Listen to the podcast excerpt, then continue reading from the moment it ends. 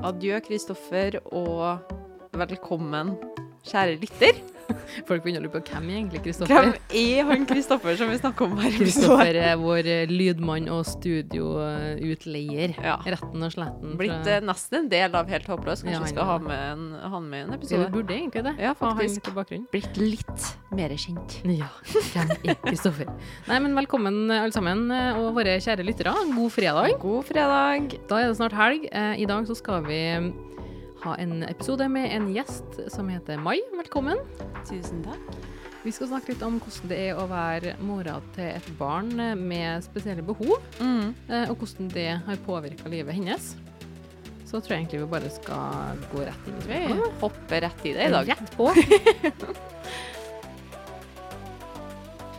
Eh, ja, Mai, kan du eh, introdusere deg med navn og yrke og alder? Ja. Må vi ha maler? Ja vel. Vi, vi må ikke. Vi må Her gnir vi det Ja. inn. Du trenger ikke. Ja, jeg er stolt. Jeg er 31 og jeg er stolt. Ja, Så det går bra. Be proud. Yes. Ja, nei, jeg heter nå Mai og er 31. Eh, og for øyeblikket så er jeg student. Ja, Mm. herlighet. Så jeg holder på å ta mastergrad i sosialantropologi på NTNU. Nei, Oi. så spennende. Det var spennende. Shit. Mm. Det er jo stud studien av menneskeoppførsel, er det? Korrekt. Og samfunn? Nei. Og samfunn. Og vi, samfunn. Ja, vi er som sosiologi på speed, Ja, på en måte. Vi tar med alt. ja Ja, for jeg, jeg hadde sosiologi på videregående. Mm. Det var en god blanding av alt. Ja, Retten og sletten. ikke sant. Men kan ikke du fortelle oss litt eh, kort om din livssituasjon? Jo, det kan jeg. Eh, per i dag så er jeg jo eh, mamma til to jenter. Eh, ei på seks, hun blir sju snart, og ei på 13. Godaldrende, det da, skjønner jeg. Ja. eh, og hun på 13 er jo da hun som har spesielle behov, Mm. som de kaller det. Men det, hun har jo noe som heter Marshall-Smith syndrome. Det er veldig sjeldent. Mm. Hun er en av 62 i verden, Oi. Hæ? eh, og eneste i Norge som har denne diagnosen. Marshall, Marshall-Smith syndrome heter Ha- det. kan du fortelle litt nøyere hva det er? Ja. Eh, det er jo veldig sjeldent, Ja. så de har jo på en måte ikke så veldig mye kunnskap om eh, syndromet, annet enn at det er ganske altomfattende. Eh, så det går jo altså på alt fra beinaldring, det at eh, beina deres eldres fortere, eh, det at de blir mutert, vil si at det vokser ut ben plutselig her og der. Ja. Eh, Det går jo på kognitivt, det går på det psykiske, det går på motorikk. Og ofte så er det største utfordringa er jo da pust. Mye fysiske plager. Eh, Men igjen, det er veldig variabelt fra barn til barn. Er det jo. Så altså, du kan jo si at kanskje den største utfordringa til Hailey er jo, altså dattera mi, eh, er jo da pusten. Mm. Hun må intuberes hver natt. Så det vil si at vi legger ned en sånn her Vet du, noen har sett sånn intubering på sykehusepisoder. Ja, sånn legger ned en eh, slange. rør, ja. ja. Mm, vi legger ned lite rør i nesa hennes, som går ned i luftrøret ca. 11,5 cm Hver natt. hver natt. Det må jeg ha for å holde opp luftveien, for hvis ikke så klapper de sammen. Mm. Og da høres det ut som det er sagbruk innpå her, og så får jeg jo ikke sove noe godt. Så Og Det må være veldig spesielt nå i koronatider. ja, vi Ja. var dritredd til å begynne med. Ja. Mm. men heldigvis så ligger jo hennes luftproblematikk øverst i Ja. luftrøret, og Mm. ikke i lungene. ja. Eh, Så hun er ikke i den type faresone som andre som har luftproblematikk lenger ned, har, da. Okay. Mm. Så det er jo ganske betryggende. Ja, Ja. det er det jo. Ja. Eh, men når fikk du egentlig vite at uh, dattera di eh, hadde utfordringer? Tidlig. Var det i ultralyd, Ja. eller? Ja. Jeg var faktisk i uke tolv. Oi, Mm. Så tidlig, ja. Ja, jeg var inn i uke tolv. Jeg var jo 17 år. 17, ja. Ja. 17 år. Ja. Og så så de at det var Det blir jo veldig mye sånn legelingo, da, men du sier at du har De ser jo hjernen ganske tidlig. Mm. Eh, Så har du sånn fire En sånn firkant da, med fire deler, som de kaller ventrikler i hjernen. Eh, og hvis en ventrikkel er forstørra eller forminska, så tyder det på at det er noen form for diagnose eller noe skade eller et eller annet. Men som de sa, det kan være alt fra dysleksi til CP.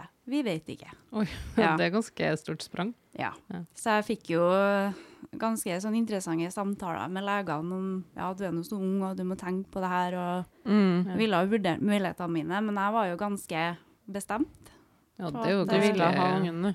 Ja. Det er jo kraftige spørsmål å få når du kanskje allerede har gleda deg til å få et barn, og er på ultralyd, og så plutselig skal de være liksom belærende, da. Mm, ja, men igjen så er det jo nå når jeg er eldre, så skjønner jeg godt at det spørsmålet var der, Ja. og at det er viktig. Ja. At det er For det er jo et ansvar eh, som du Altså, livet ditt blir jo Mm. endra. Mhm. Du kan ikke bli forberedt på det. Men barnefar her, du var alene, Mm. eller var dere sammen? Vi var sammen. Ja. Vi ble i lag når jeg var 14, eh, så jeg var jo forlova og samboer når jeg var 16. jeg. Herlighet! Ja. Ja, men Eh, altså, kjør på, tenker nå jeg. Men, Ja. eh, Anbefales ikke, forresten. Eh, ikke gjør som meg. Men, men det var planlagt av unge? Nei, Nei. det var ikke det. For det som er historien bak det igjen, er jo at jeg ble jo gravid første gang da jeg var 16, eh, og valgte å ikke fortelle det til noen, bortsett fra barnefar. Og vi ble enige om å ta litt tid og tenke på det. Eh, hva gjør vi? Mm. Egentlig en ganske voksen avgjørelse, som jeg tenkte i ettertid. Mm. Uh, men jeg valgte jo å ta abort, for jeg var bare 16 år mm. uh, og hadde lyst til å ta en ordentlig utdannelse. Og jeg ville ikke ende opp som den der tenåringsmamma, liksom. Det var ikke min plan. Det var ikke som P-plan hjalp til meg, akkurat. Men ettertid, sant, for du får ikke noe oppfølging, iallfall ikke da, på den tida, så fikk du noe oppfølging fra sykehuset. Eh, Du det var- kjente kanskje mye på det da, som 16-åring? etter- jeg slet kjempemasse. Det gjorde jeg. Jeg var sint på meg sjøl, og jeg følte meg råtten og grusom. Og så var jeg litt sånn her Hvis jeg nå blir gravd igjen, hvis jeg er så dum at jeg får til det, skal jeg ikke ta bort uansett hva. Så selvfølgelig, når jeg ble uh, feisa med det spørsmålet av legen Etter at etter jeg ble gravid med Hailey, så var det jo ikke noe Du hadde bestemt deg for det, du. Det var ikke noe alternativ. Hva tenkte du da? Sånn, det får bare briste eller være? Jeg gikk, jeg. ja. Ja. Nei, det her ungen skal jeg ha. Ja. Uansett hva. Eh, for det var liksom Det var for det Jeg hadde ikke sjans til å gå gjennom det der en gang til. Det er noe med når du får et barn med alvorlig diagnose, så gjør det noe med deg som menneske. Mm. Og det er ikke enkelt. Og det er ikke noe alle kan takle helt perfekt. Men hvordan var barseltida di, da? Å, herregud. jo, eh, hun kom jo til 12. februar ved keisersnitt. Eh, To keisersnittdamer her nå, da. Ja. Jeg føler meg beæret. ja ikke? Keiserinne. Vi er keiserinner. Det er ikke noe tull, ass. Men, men Eh, kan jeg bare spørre, var det da planlagt? Eller Ja. det bare sånn? Ja. Det var planlagt Fordi for at jeg er så lita, og for at det var jo mistanke om alvorlig sykdom. Mm. Uh, og ergo så kan du ikke ha vanlig fødsel. Så jeg var jo inne på operasjonssalen med 13 leger inntil mindre, liksom. Oi. For det var ingen som var klart å funne ut i løpet av svangerskapet hva er det for noen ting. Nei. Vi tok jo eh, fostervannsprøve og alt. Så vi visste jo ikke noe eh, når hun kom til. Nei. Var du ikke redd? Men uh, du går litt i sånn eh, survival mode, på en Ja, måte. ja. Nå skal du bare gjennomføre det her, og så tar du neste etterpå. Uh, så når hun kom ut, så ble det jo galt ganske fort. Hun skrek jo ikke. Ja. Eh, de viste meg sånn millisekund, så jeg bare blåbær med hår, liksom. Ja. Eh, så sprang de ut. Eh, så jeg ble jo lagt i narkose, men så hadde jeg svært blodtap. Så jeg måtte jo da legges helt ned, skal jeg til å si. Og måtte jo på blodoverføring. Så når jeg våkna, så lå jeg liksom Da hadde jeg fått to bilder av henne, da. Som jeg da lå med. Så det var jo første gangen jeg fikk se henne. Jeg hadde jo masa på dem hele tida. Åh, det skjønner jeg veldig godt. Det er jo grusomt ikke å se babyen sin. Ja, Det var helt for jævlig. Ja. Det er jo ikke noe annet å si om det. Så jeg ble kjørt ned på, i seng til slutt da, med, blod, med blodet mitt. Så, var- og fikk hun over. Da så jo hun lå jo Jeg har jo blitt sett bildene, liksom at hun ligger i en slags respirator med masse ledninger og det som er. Og det eneste jeg husker, er at jeg så som en vanlig baby uten noe på seg. Jeg kan ikke huske på de ledningene Nei. når jeg så henne første gangen på ordentlig. Det var bare 'Å, babyen min', liksom. Mm. Det nå, jeg så ingenting av de ledningene nå.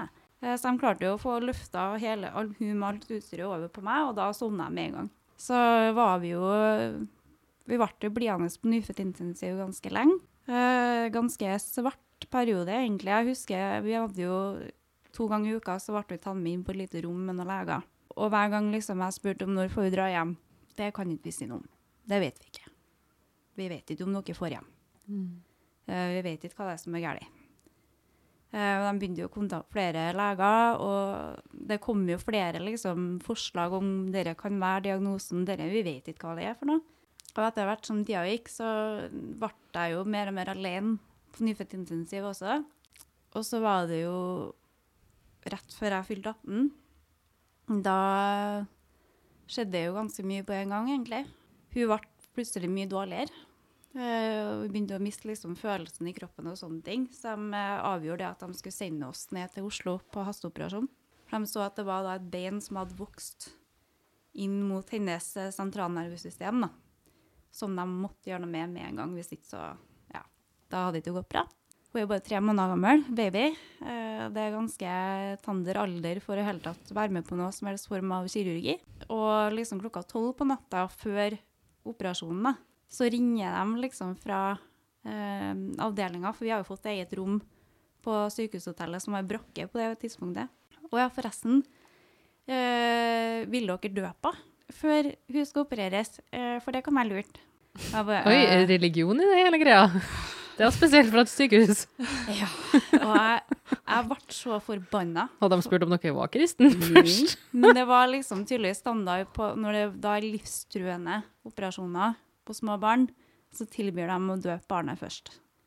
Ja, I tilfelle du kanskje skulle være veldig kristen da, og Ja, og så er det veldig mange som når de havner i en situasjon mellom liv og død på en måte der, så handler det ikke så mye om religion, men det handler om til håp og trua. ja, håp, eller så handler det om på en måte en stadfestelse av at denne personen var her. Eh, men det er jo på en måte noe de tilbyr når du vet at det går mot slutten. Så jeg var ikke, det var ikke aktuelt for meg. Nei. For da var det som å gi opp. Og det gikk jo bra. Hun var jo inne på operasjonen i seks timer. Så når hun kom ut, så hadde hun jo overlevd. Og legene sa jo sjøl at det er jo helt utrolig, egentlig. Men uh, det som var flaks og uflaks der, var jo at det var en eh, genetiker fra Stockholm som jobba halvparten av tida der og på Rikshospitalet, og halvparten av tida i Stockholm. Som var på Rikshospitalet på det her tidspunktet. Hun fikk se bildene av Hailey, og hun bare 'Det her har jeg sett før ut'. Mm. Så hun kjente igjen diagnosen til Hailey. Tilfeldigvis, for hun har vært borti noen i Nederland som hadde det samme syndromet. Hadde det ikke vært for at vi hadde truffet henne, så kunne vi faktisk ha sittet en dag i dag uten diagnose. Så ble hun sendt tilbake til St. Olavs, nå med diagnose, da. Så, Men da begynte jo liksom Legene må jo google. Ja. Ja. Sitter bare og finner masse info som de egentlig ikke kan fra før, da. Ja. Eh, for vi hadde jo masse spørsmål. Altså hva er prognosene? Hva er det vi kan forvente oss? Sånne type ting. Eh, og da var det jo Nei, det er en barndomstilstand. Det vil si, de lever ikke over barndommen. Forvent tre år. Så tok det ei uke, og så Nei, nå har de funnet ny forskning, ja. Eh, hun kan bli seks år. Og vi var jo overlykkelige. Herregud, vi har fått kanskje tre år ekstra. Og så går det ei uke til, og da tar hun fra altså hun svenske genetikeren kontakt. Hei, jeg har kontakt med en familiegruppe i Nederland. De har starta og samla sammen alle familiene som er dokumentert i verden. Og det eldste barnet er 40 år. Oi. Ja. Ja. ja, det var noe annet enn seks år. ja, og da var det sånn her Oi, da fikk du jo livet i gave. Ja. Så da var jo bare å se hvordan hun klarte seg gjennom resten av intensivoppholdet. Rett etter det så døde jo pappa. Åh, Ja. Eh, og det som skjedde da, var jo at vi var hjemme på, på permisjon fra sykehuset en natt. For jeg hadde vært hjemme på pisseleng, og jeg trengte å fære hjem og skifte klær og se noe annet enn hvite vegger. Og så banker det på en prest på døra på morgenen og sier han er fra sykehuset. Så da var jo jeg OK, Hailey er død. Ja. Det var det første som gikk gjennom hodet mitt. ikke sant? Hadde jo aldri trodd at det var en pappa, liksom. Nei. Eh, Jeg var jo sammen kvelden før, vi bodde jo i samme hus. Snakka jo sammen hver dag. Og så hadde han bare fått illebefinnende på tur til jobb om morgenen. Så det kom ganske Herregud, så mye grusomt du har vært innom på Det- så kort periode. Alt skjedde på en gang. Ja. Det gjorde det da. Men da opplevde jeg å nesten miste henne. For da trodde jeg at hun var død. For det, det tok jo fem minutter å få roa meg ned, før presten fikk prate med meg, liksom. Og det endra perspektivet mitt ganske mye. For da var jeg så glad for at hun var i live at det var ingenting annet som betydde ting. Så da var hun hjemme med sykepleiere på natta, og var jo full bemanning. Det var noe spenstige år der, altså. Ja, det, herregud. Og du var 18? Mm. Herlighet. Jeg tror ikke jeg kjenner noen som er så sterke og oppegående som deg. Altså. Herlighet. Man Jeg blir- ble helt satt ut hver gang jeg satte meg i studio her. Herlighet. Men eh, sånn oppover årene, nå er jo, det er jo 13 år eh, med Hailey. Mm. Hva er liksom de typiske utfordringene dere har gått gjennom de årene her? Mye sykehus. Ja. Uh, Iallfall opp til 2014 så var det jo flere ganger i året. Det er operasjoner, eller bare sykt at hun er sjuk? Nei, oppfølginga, også operasjoner. Og så ble det jo også innleggelse hver vår, egentlig, når det var forkjølelse og influensasesong. Hun har jo hatt RS-viruset. Da var vi inne i tre uker. Eh, ellers så har det jo vært diverse operasjoner. Eh, opp igjennom, og det verste har jo vært den her nakken, for det har jo kommet tilbake igjen. Så vi har jo måttet blitt fløyet ned til Rikshospitalet mer enn én gang. Siste runden var faktisk eh, i 2014. Da ligger jeg på barsel med minsta. Og får beskjed om at Hailey da kommer inn på akuttmottaket ned. Mm. Herlighet. Så, og da var det så ille at vi, vi bodde jo på sykehuset i to og en halv måned etter det. Ja. For det var så mye komplikasjoner. Hun holdt på å gikk bort flere ganger. Eh, hun lå jo i kunstig koma i 48 timer. Det hjelper jo ikke på at man har barselstårer og hormoner i gang og skal liksom ha det oppå, oppå det i tillegg, da. Nei. Herregud, så mye konflikter og følelser. Det måtte jo være eh, krig inni det. Ja, Det var det. Ja. Så er det jo, legger du jo på samlivsbrudd samtidig. Så var jo det Altså, Akkurat alt fordi det kan, som liksom- kan gå galt, da. Ja, på en måte det. Men eh, det gikk jo bra. Ja. Det er det jeg tenker, at det gikk bra. Og det er jo, så jeg sitter jo ofte sjøl og tenker tilbake og bare Herregud, var jeg gjennom det der? Ja. Klarte vi det? Liksom, Det er kjemperart å tenke på. ja. For at du Mm. hadde jo ikke så mye tid til å tenke på deg sjøl oppi det der. Nei, men jeg tror det er fordelen òg. Ja, Du har ikke tid til å sitte og grave deg ned. For at det skjedde noe hele tida, og jeg måtte være på. Morsinstinktet er liksom hele tida. Ja, sant, for jeg hadde jo en baby på ene sida, og så hadde jeg jo hun på andre sida. Og det er jo når du har en veldig sjelden tilstand, så har du leger som prøver å følge boka, Mm. der boka ikke har noe å si. Eh, Så jeg har jo måttet stå og krangle med nevrokirurger, jeg måtte stå og krangle med sykepleiere liksom, for at dere må ta MR, det her er noe galt, dere må gjøre sånn, dere må gjøre sånn. Mm. Og det har jo vist seg gang på gang at jeg har hatt rett, og det var nære på Mm. når de ikke gjorde noe. Så det er jo liksom, du måtte være på hele tida. Men siden det var samlivsbrudd, da hadde du noen rundt deg? Den perioden var jeg mest alene. Ja. Ja. Men da, det var litt av valg òg. Det var Ja. for mye. Jeg måtte bare fokusere på det jeg hadde. Jeg hadde jo de nærmeste vennene. Jeg kunne ringe når som helst om det var noe. De kunne Mm. komme ned hvis det var noe. Så er det jo på sykehus og sant, med den infeksjonsfaren som var til Hailey òg. Vi kunne ikke holde på å ha besøk. Og så tror jeg folk generelt syntes det var vanskelig. Ja. Hva skal vi si? Hva skal vi gjøre? ja, det skjønner jeg. Eh, det her blir for mye. Mm. Og da har folk en tendens til å trekke seg unna. Og det er ikke noe rart, egentlig. Men merker du på folk at de ikke vet hva de skal si, eller at folk trekker seg unna? Mer Legger du merke til det? Mm. Det har det vært hele veien. Så tror jeg fordelen er at jeg har ikke noe problem med å prate om det likevel. Så jeg tror folk har sluppet ofte å stille de spørsmålene, for jeg ser det, og jeg bare Ja, forresten. Sånn er det. Jeg tror det er vanskelig å vite hva man skal si, fordi man tenker at man sier noe feil. Men jeg kan sjøl kjenne at hvis jeg treffer noen som sitter i noe som jeg ikke kjenner til, så vet ikke jeg hva jeg skal si. Jeg er nå her i sted, da. Ja. Ja. ja, nei, men jeg skjønner godt hva du mener. Det er litt sånn det blir litt sånn ikke kleint, men litt vanskelig å Mm. tvinge seg sjøl til å stille spørsmål hvis man er litt redd for å stille dem. da. Men ser du for deg noen utfordringer for framtida? Mm, ja. Hva da, i så fall? Ja, det er jo en helt annen livssituasjon å forholde seg til. For at vi, er jo, vi trenger jo å tenke på Nå håper jeg nå at hun har tenkt å gå på videregående. etter hvert da. Kanskje gjøre det med livet sitt, liksom. Mm, ja, for hun Eller- går på skole nå og snakker og er til stede og Hun går på skole, hun går på spesialavdeling. Uh, hun har sitt eget språk. Hun bruker jo tegnspråk. Hun bruker noe vi kaller um, ASK, der hun bruker symboler. Hvis man går etter standard samfunnsmessige målinger, som jeg er veldig imot, by the way, uh, der de liksom, de må gjøre da, for å gi hun vedtak på spesialtimer, så sier de jo at hun er kognitivt på fireårsalder. Det har jo med språk å gjøre, det har med måte å bevege seg på å gjøre.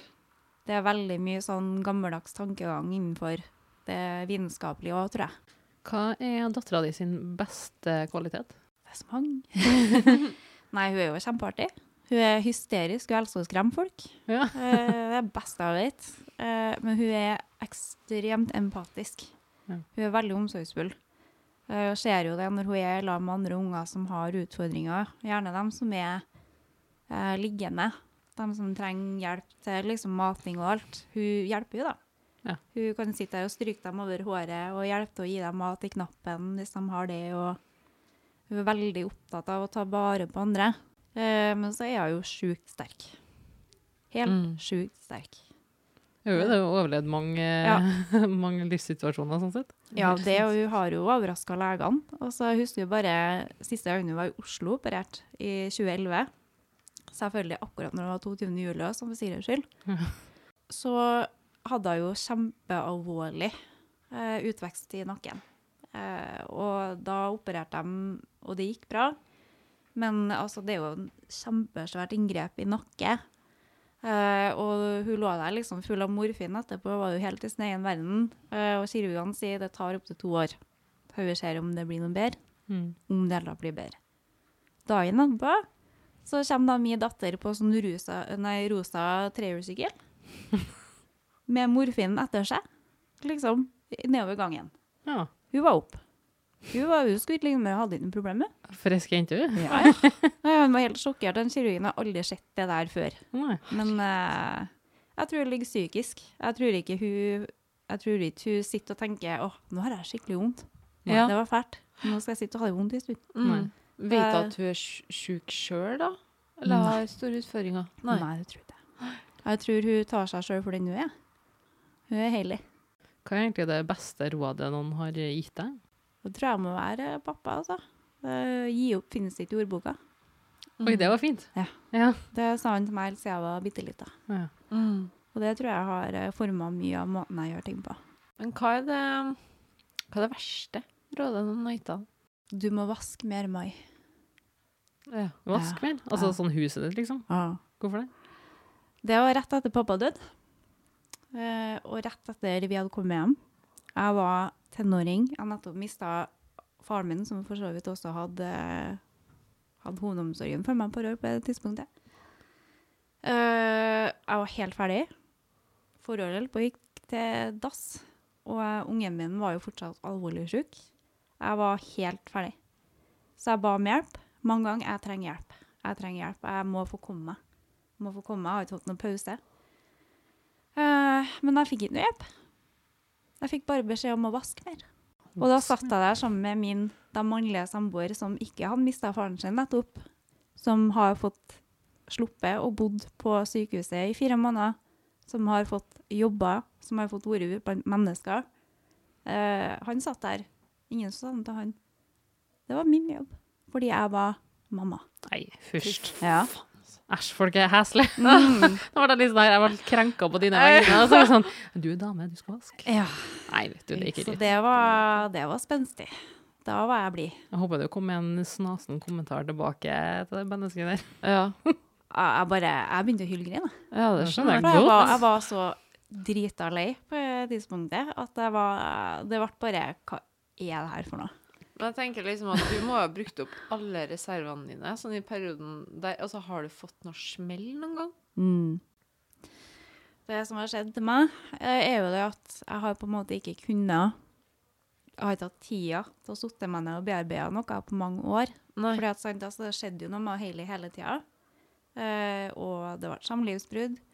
Det må jo bare bygge seg, bygge seg, bygge Ja. seg, bygge seg opp. Jeg måtte jo bare fokusere på det jeg drev med, for å få ting til å funke. Mm. Sant? For ikke snakk om når du begynner å blande inn Nav og vedtak og det ene og det andre og alle instansene du skal, ja, alle instansene du skal forholde deg til, og liksom du blir jo hevet ut fra å være tenåring egentlig til å, til å skal ta ganske megasvært ansvar.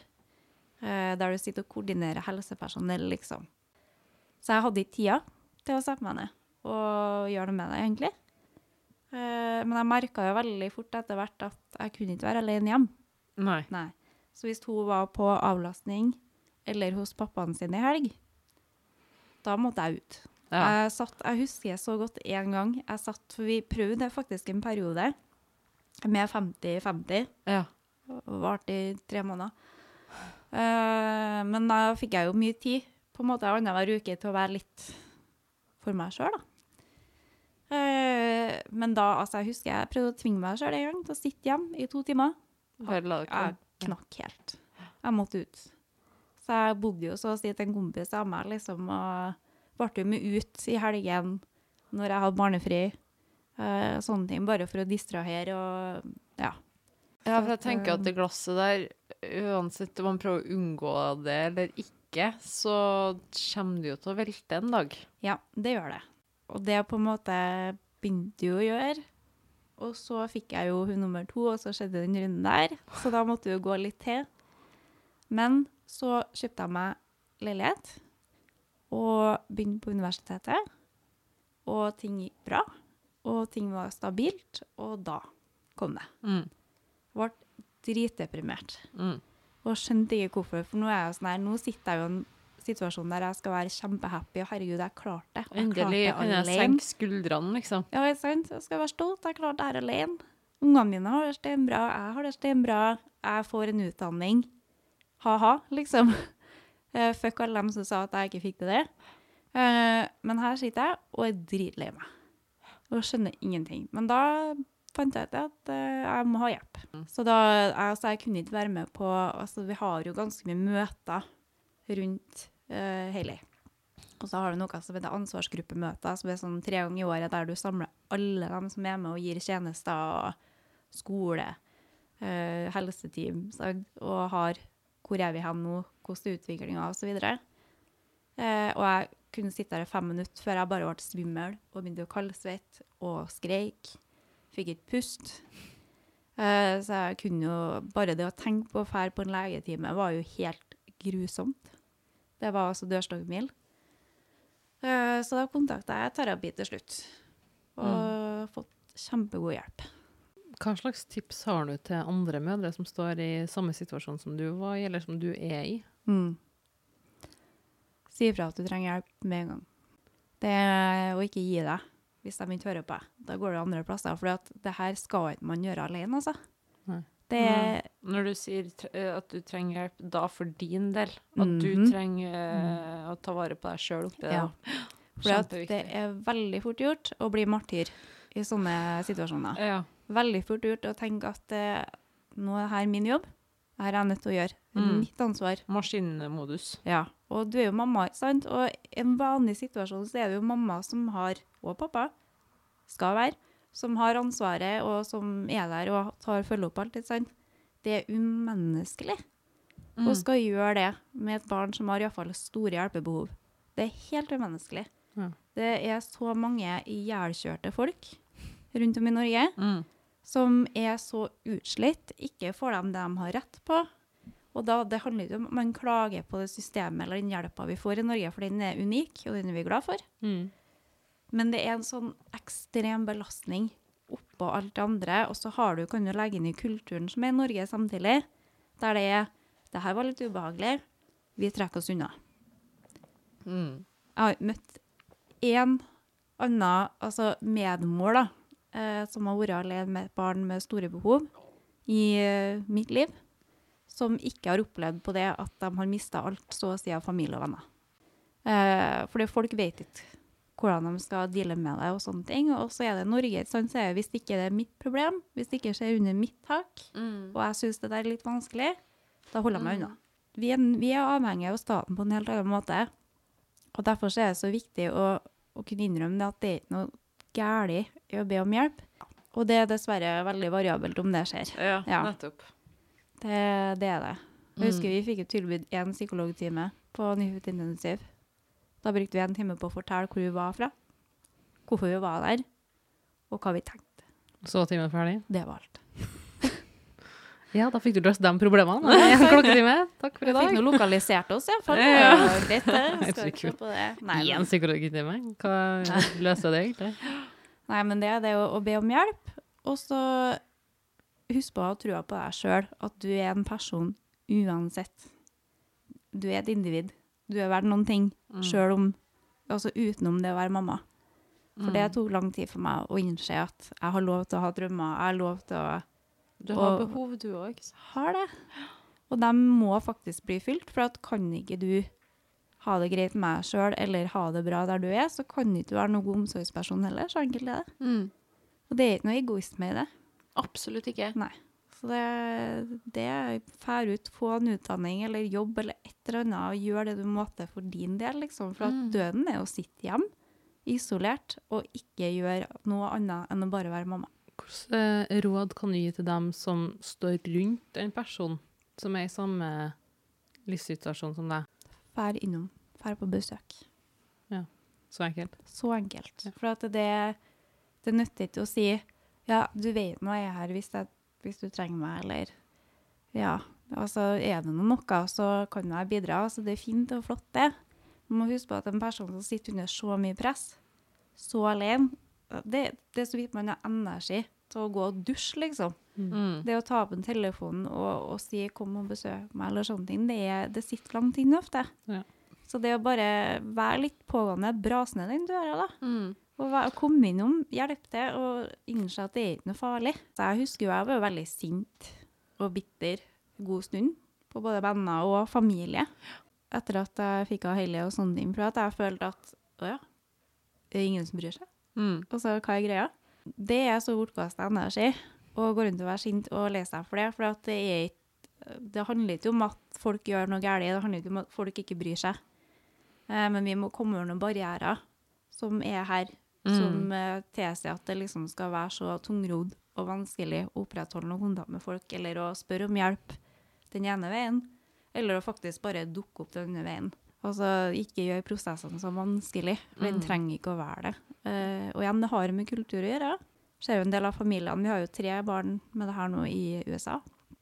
Der er kulturen noe helt annet, ikke sant? Der flytter jo bestemor og bestefar inn, og det er jo hele storfamilien, for at it takes the village, på en måte. Det er mentaliteten er der igjen. Mm. Mm. Så det ser du jo, det er helt annerledes måte å takle det der kontra her. Jeg tror ikke du får den samme type isolasjonen. Kan du fortelle oss en episode der du følte deg helt uh, håpløs? Ja. Der kom blikket. Oi. Jeg elsker det spørsmålet der, for alle får samme blikket. Ja, nei, det var jo litt i den uh, herre fantastiske tida i 2014, etter jeg fikk hun minste, og vi bodde på sykehuset eh, med hun største. Jeg var helt ferdig. Hadde dratt hjem ene natta for å sove der og la babyen få være litt hjemme. Så vi kjøre tilbake på sykehuset klokka seks om morgenen dagen etterpå. Og jeg var så trøtt og ferdig, og så kommer jeg til første rundkjøringa inn mot sykehuset. Og så bare registrerer jeg at det plutselig har stoppa en syklist foran meg. Angivelig har jeg nesten kjørt på, da. Det har ikke jeg fått med meg. Og hun står der og kjefter. Jeg hører hun nordlending, for jeg hører bare sånn Liksom ut der, da. Jeg bare drittrøtt. Jeg bare Sorry. Kan ikke gå ut av bilen. Og så var det jo en gammel bil vi hadde på den tida, så senka Toyota, der det ikke gikk an å rulle ned vinduet. Å, herregud. Og så mens hun, hun bare står her og fortsetter å kjefte, sant? Og Ja, jeg bare, herregud, hva skal jeg gjøre da? Ja. Og så, dupp, altså jeg duppa ikke til, men jeg, liksom, jeg kjenner jeg bare fæl litt, så jeg kommer bort til kløtsjen, og nudger med bilen. Å, Så jeg kjørte på en måte på, bare, men det var, altså jeg kjørte ikke på, var med nudga Ja, litt, Ja, var med vilje. Så hun klikket jo i vinkel, sant? Oh, og jeg står der og bare... Herregud. Sorry. Og så hun kommer bort til vinduet mitt. Jeg bare, jeg får ikke rulle ned, så jeg bare kjørte. Nei! Så jeg var jo helt. Jeg var så sliten, så jeg bare Å ja, shit. Hun døde ikke, så Jeg føler at eh, det var godkjent, jeg. Den lille situasjonen. Så sliten. Ja. Ja, men Da er det bare som å bare gi faen i alt. Det er Ja. bare sånn få meg dit jeg skal. ja Liksom. ikke sant? Det blir bare komisk. Ja, så hvis du Å, hører på faen her, så bare unnskyld, det var ikke meninga. Jeg så deg ikke. Slutt å sykle i rundkjøringa. Liksom. Slutt å Ja, gjøre det. altså, Hun forteller nok historien der, hun òg. Bare kanskje litt, an litt annerledes. ja, herregud, bare kjørt på meg plutselig. Jeg står der og sier fra, liksom. Faen. Fort gjort, sier jeg. Ja, men herregud. Nei. Jeg må si at jeg er både litt rørt og satt ut og imponert. Jeg er så meg. imponert, meg. Herregud. Jeg tror ikke jeg har møtt noen som har klart å reise seg så mange ganger. Altså. Oh, det er helt eh, Ja. Det her er det beste med podkasten. Det er rett og slett det å få møte så mye sterke mennesker, og det du har gått gjennom, eh, og delvis går gjennom òg, det er jo fortsatt tøft. Det kan jeg se for meg, både gode og dårlige dager. Takk for at jeg fikk komme. Helt rått. det, det er veldig mange som har sagt til meg, veldig ofte, eh, opp igjennom når jeg har fortalt, at de aldri kunne ha klart det sjøl. Eh, eller har kommet til store problemer hvis de har gått gjennom det her sjøl. Men det er som jeg sier, at det er ikke noe man vet før man er der. Jeg tror alle har det i seg til å takle det.